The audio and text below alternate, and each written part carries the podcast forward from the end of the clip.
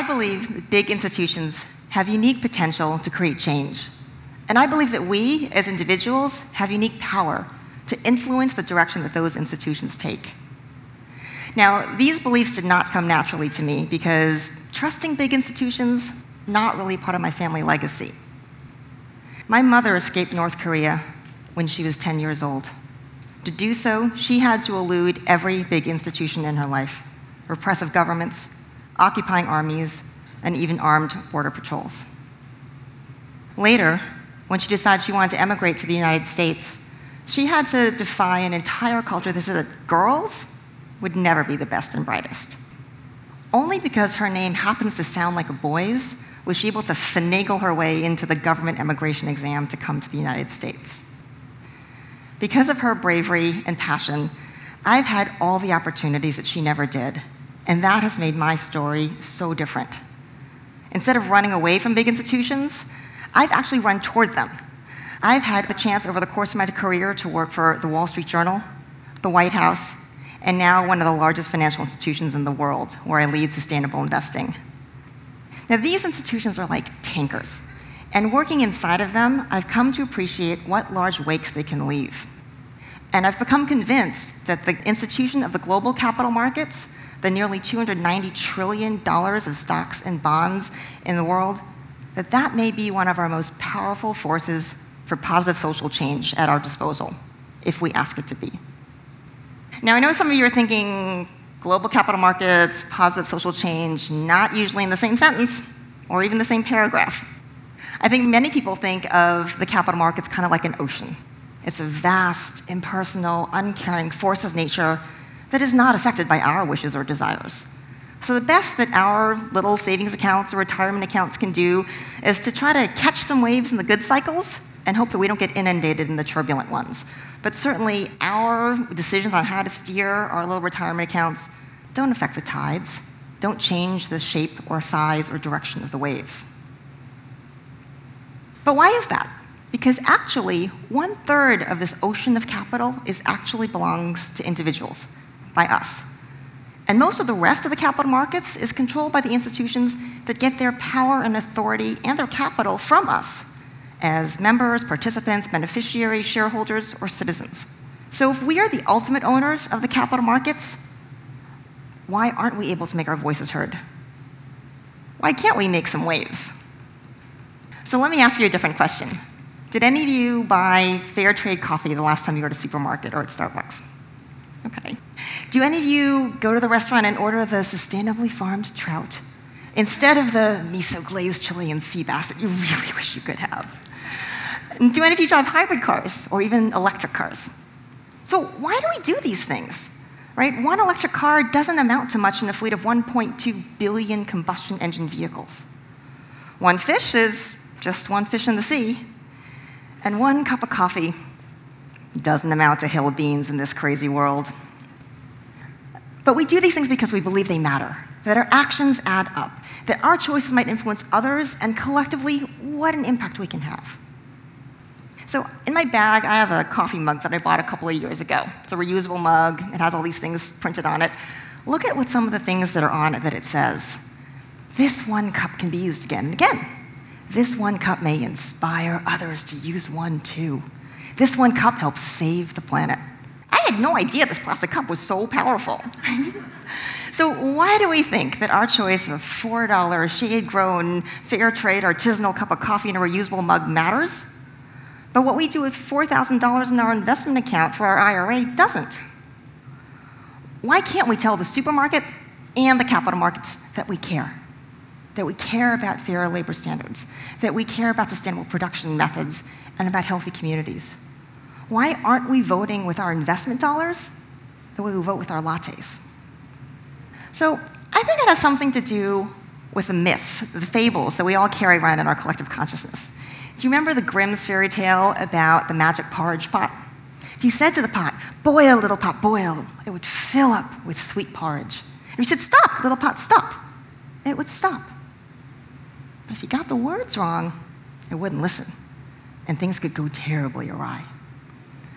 So I think when it comes to markets, I think we have a little bit of a similar fable in our heads.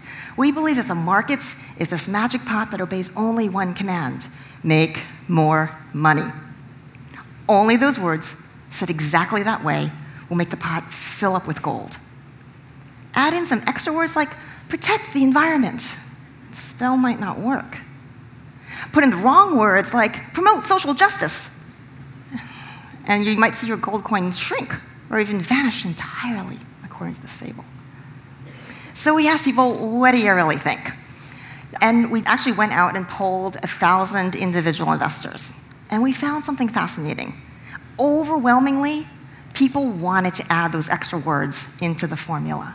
71% of people said yes, they were interested in sustainable investing, which we define as taking the best in class investment process that you already have traditionally and adding in the extra information you get when you think about the environment and society and good governance. 71% wanted that. 72% said that they believe the companies who did that would actually do better financially. So people really do believe that you can do well by doing good. But here was the weird thing 54% of the people still said if they put their money in those kinds of stocks, they thought that they would make less money. So is it true do you get less sweet porridge if you invest in shade grown coffee instead of drinking it? Well, you know, the investors in companies like Burt's Bees or Ben & Jerry's wouldn't say so, right? Both of those started out as small, socially conscious companies that ended up becoming so popular with consumers that the giants Unilever and Clorox bought them for hundreds of millions of dollars each. But here's the important thing those corporations realized that if they wanted to protect the value of their investments, they had to preserve that socially conscious mission. If they didn't keep adding in those extra words of environmentally friendly and socially conscious, those brands wouldn't make more money. But maybe this is just the exception that proves the rule, right? And the serious companies that fund our economy and that fund our retirements and that really make the world go round, they need to stick to making more money. So, Harvard Business School actually researched this, and they found something fascinating. If you had invested a dollar 20 years ago in a portfolio of companies that focused narrowly on making more money quarter by quarter, that $1 would have grown to $14.46.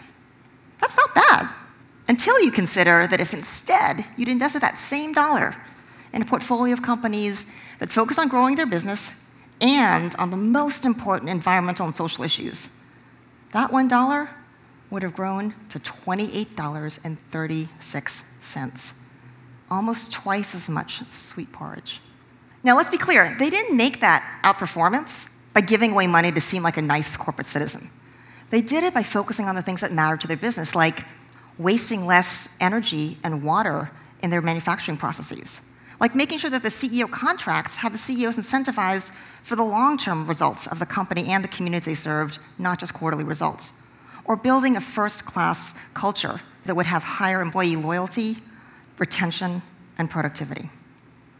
Now, Harvard's not alone. Oxford also did a research study where they examined 120 different studies looking at the effect of sustainability and economic results. And they found time and time and time again that the companies that cared about these kinds of important things actually had better operational efficiency, lower cost of capital, and better performance in their stock price. And then there's Al Gore.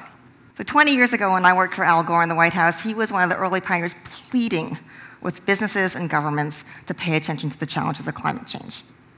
Post White House, he opened an investment firm called Generation, where he baked environmental sustainability and other things right into the core investment process. And at the time, there was a good bit of skepticism about his views. Ten years later, his track record is one more proof point that sustainable investing done right can be sound investing. Far from making less sweet porridge because he added sustainability into the mix, he actually significantly outperformed the benchmark. Now, sustainable investing, the good news is it doesn't require a magic spell. And it doesn't require some investment secret and it's not just for the elite. It is not just about private equity for billionaires. It's not just groovy sounding investments like clean technology or microfinance in emerging markets or artisanal bakeries in Brooklyn. It's about stocks and bonds and Fortune 500 companies. It's about mutual funds. It's about all the things we already see in the market today. So here's why I'm convinced that we collectively have the power to make sustainable investing the new normal. First, the proof points are coming out all the time that sustainable investing done right, preserving all the same good principles of, of investing, the traditional sphere, can pay. It makes sense. Secondly, the biggest obstacle standing in our way may actually just be in our heads. We just need to let go of that myth that if you add your values into your investment thinking, that you get less sweet porridge. And once you get rid of the fable, you can actually start appreciating those facts we've been talking about. And third, the future's already here. Sustainable investing today is a $20 trillion market, and it's the fastest growing segment of the investment industry. In the United States, it has grown enormously, as you can see. It now represents one out of every $6 under professional management in the United States. So, what are we waiting for?